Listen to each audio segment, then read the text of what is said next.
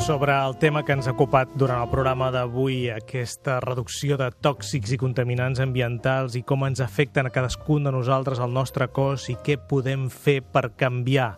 L'Àlex Rovira, una última aportació del programa de l'Àlex Rovira, crec que ens il·lustrarà per on pot anar aquest canvi interior, Àlex. Ben retrobat.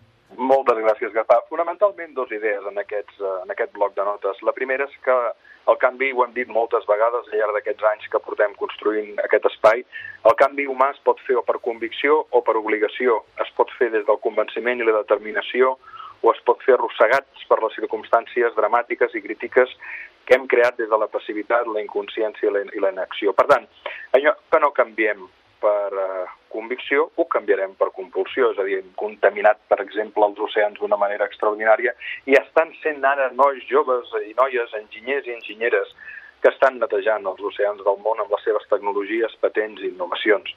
Per tant, això és una qüestió fonamental. A què esperem? A fer-ho per convicció o a fer-ho quan ja realment la cosa estigui tan malament que rectificar ens costi molt més i tinguem els nostres cossos i la nostra mare terra profundament ferida i contaminada.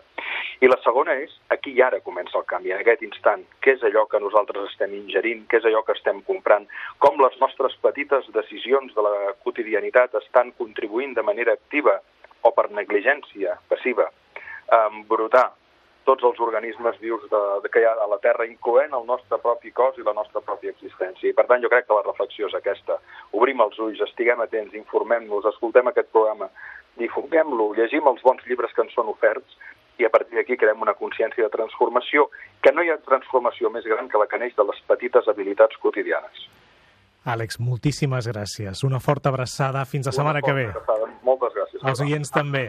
Una forta abraçada. L'ofici de viure.